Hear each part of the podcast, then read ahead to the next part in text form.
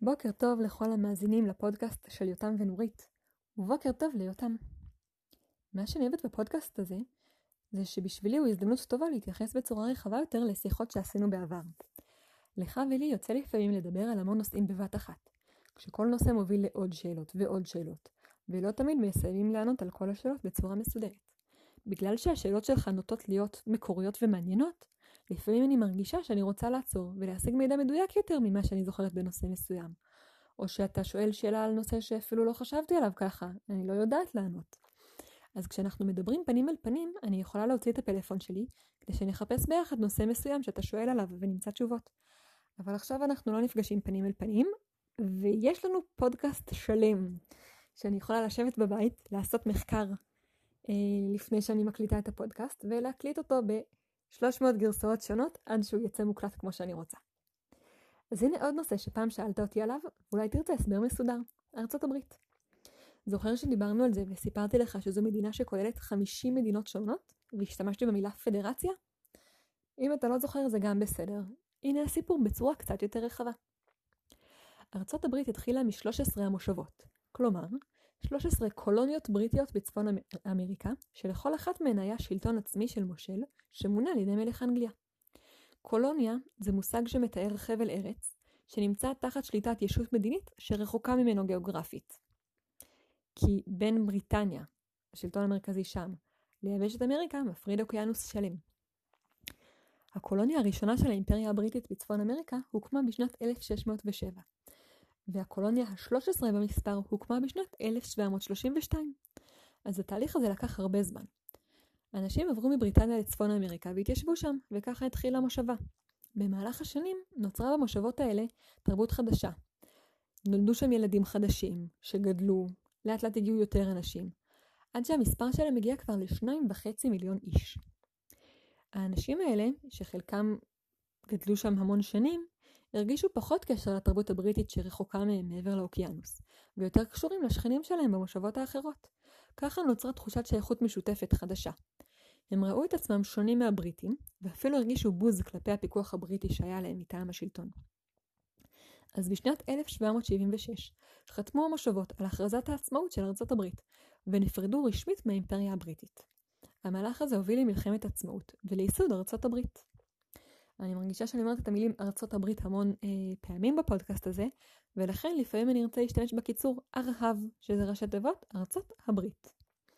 במהלך המאה ה-19 רכשה ארה"ב אדמות נוספות אה, של יבשת אמריקה, מצרפת, ספרד, בריטניה הגדולה, מקסיקו ורוסיה, שהיו להם אדמות ביבשת הזאת, וסיפחה לעצמה שטחים נוספים, כלומר צירפה שטחים, ואמרה מעכשיו הם שלי. וככה גדלה המדינה. אבל לא הכל התנהל על מי מנוחות. בשנת 1861 החלה מלחמת אזרחים במדינה, כש-11 מדינות בדרום ארצות הברית הודיעו שהן פורשות ממנה ומקימות קונפדרציה משלהן. ההחלטה הגיעה בעקבות ויכוח בנושא העבדות. מדינות הדרום, שהיו יחסית יותר מבוססות חקלאות, אה, היה להם מאוד חשוב עבדות, כי העבדים עזרו להם בשדות. ומדינות הצפון התנגדו ואמרו שכל האנשים צריכים להיות חופשיים. אין כזה דבר שמישהו יהיה עבד. אחרי ארבע שנות מלחמה, נכנעה הקונפדרציה והעבדות בוטלה בכל רחבי ארצות הברית. ביטול העבדות הוא תקופה מאוד חשובה בהיסטוריה של ארצות הברית ובהיסטוריה של עולם בכלל. אני חושבת שזה נושא שקל לנו להזדהות איתו, בטח עכשיו, ערב חג החירות, בו אבותינו יצאו ממצרים, מבית עבדים. לאחר המלחמה, התחילה תקופת שיקום ארוכה וחשובה מאוד בארצות הברית.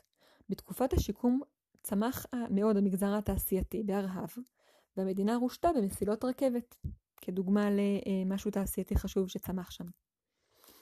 ארה"ב התחילה כמדינה של מהגרים, שהגיעו מבריטניה הגדולה.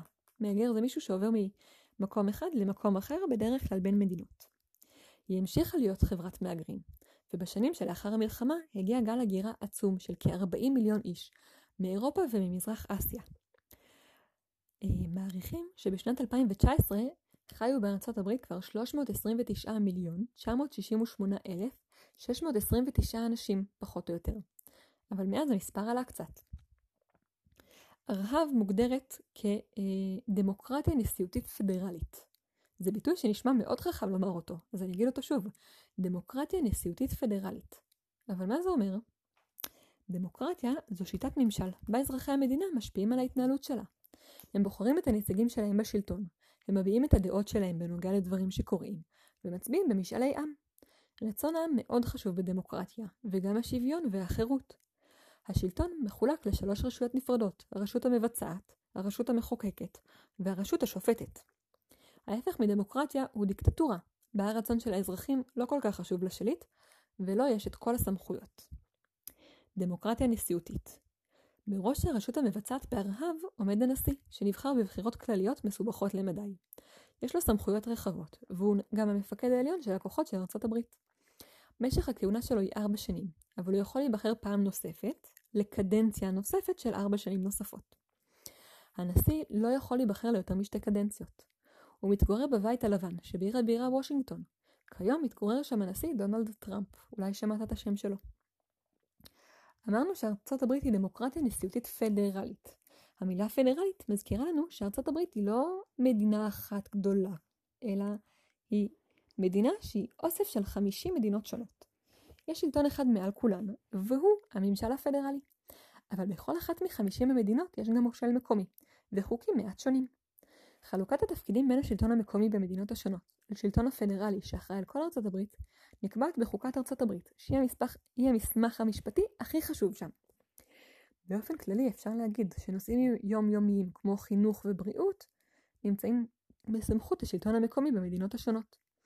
נושאים שדורשים ראייה כלל מדינית, כמו מדיניות חוץ, של איזה מדינות אנחנו חברים ושל איזה מדינות אנחנו לא חברים, מדיניות צבאית ושכר החוץ נמצאים בסמכות השלטון הפדרלי. תחשוב רגע על הכלל שיש לכם בכיתה, שהמורה והתלמידים החליטו שהוא חשוב, נגיד שתלמידים צריכים להצביע בכיתה, או שמי שרוצה אה, למלא את בקבוק המים שלו באמצע שיעור צריך לבקש רשות לצאת, או שכל התלמידים צריכים לבדוק לקראת סוף ההפסקה שבקבוק המים שלהם מלא, ולא לצאת באמצע השיעור. עכשיו תחשוב על כיתה אחרת בבית הספר. האם יכול להיות ששם יש כללים מעט שונים? הכללים האלה נקבעים על ידי השלטון המקומי שלכם, כלומר המורים שבכיתה, ומתאימים לאופי הייחודי של הכיתה, לגיל של התלמידים, להתנהלות שלהם, למה אה, שנוח למורה, כי גם מורים שונים יש להם העדפות שונות של כללים. כללים רחבים יותר שמשפיעים על כולם בבית הספר, כמו מה עושים עם איחורים או מה יהיה צלצול בית הספר, נקבעים על ידי הנהלה, שהיא כמו הממשל הפדרלי, וצריכה לראות את כל הכיתות ואת כל הצרכים של בית הספר בבת אחת. אי אפשר הרי שכל מורה יבחר צלצול אחר לכיתה שלו, כי ככה כשיהיה הפסקה, כל כיתה תפעיל את הצלצול שלה עם מוזיקה אחרת ויהיה כאב ראש נוראי לכולם. אנחנו יכולים לראות עכשיו דוגמה למורכבות של הממשל שם סביב ההתמודדות עם וירוס הקורונה. המקרה הראשון של נגיף הקורונה הגיע לארה"ב ב-20 בינואר, כשמישהו שהיה בוון שבסין חזר לארצות הברית, ואחרי כמה ימים הרגיש שהוא חולה. הוא הגיע לבית החולים ושם הבינו שהוא אה, חולה בנגיף קורונה. אז טיפלו בו, ובינתיים הממשל הקים צוות מיוחד שיטפל באירועי הקורונה. כיום עומד בראש הצוות סגן הנשיא. זה מראה כמה זה חשוב לממשל, שהוא נותן לסגן הנשיא לטפל בזה. בהמשך הכריז הממשל על מצב חירום לאומי בשל הנגיף, והודיע על הגבלות לאנשים שחוזרים מסין. הממשל הפדרלי מפרסם מדי פעם נהלים חדשים ועצות, אבל הנחיות כמו אה, תישארו בבית, או אסור להתאסף מעל מספר מסוים של אנשים, אלה הנחיות שנמצאות בסמכות מושלי המדינות השונות. ככה כל מדינה החליטה בעצמה מה ההנחיות שלה, בהתאם למצב הייחודי שהתפתח במדינה, ובהתאם לדעות של המושל שם. אז הם כל פעם היו צריכים לבדוק כמה חולים יש במדינה, מה צריך לעשות, איך האנשים מתנהלים בדרך כלל, אה, ולפי זה להחליט על ההנחיות שלהם. אם הממשל הפדרלי יראה שמדינות מסוימות בארצות הברית נמצאות במצב לא טוב וצריכות קצת יותר עזרה, הוא יוכל להתערב יותר כדי לעזור להם. אבל בינתיים רוב הסמכויות נמצאות בממשל המקומי. אה, וככה הם מנהלים את המשבר הזה. יש עוד המון פדרציות נוספות בעולם. רוסיה, קנדה, ברזיל, בלגיה, שווייץ, גרמניה ועוד הרבה מדינות.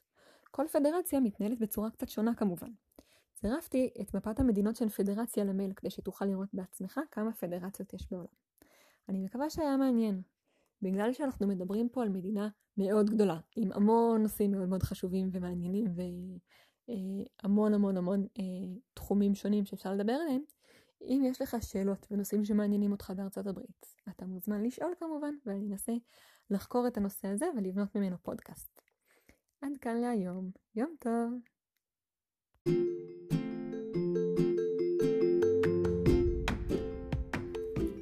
ותודה שהאזנתם לפודקאסט של יותם ונורית.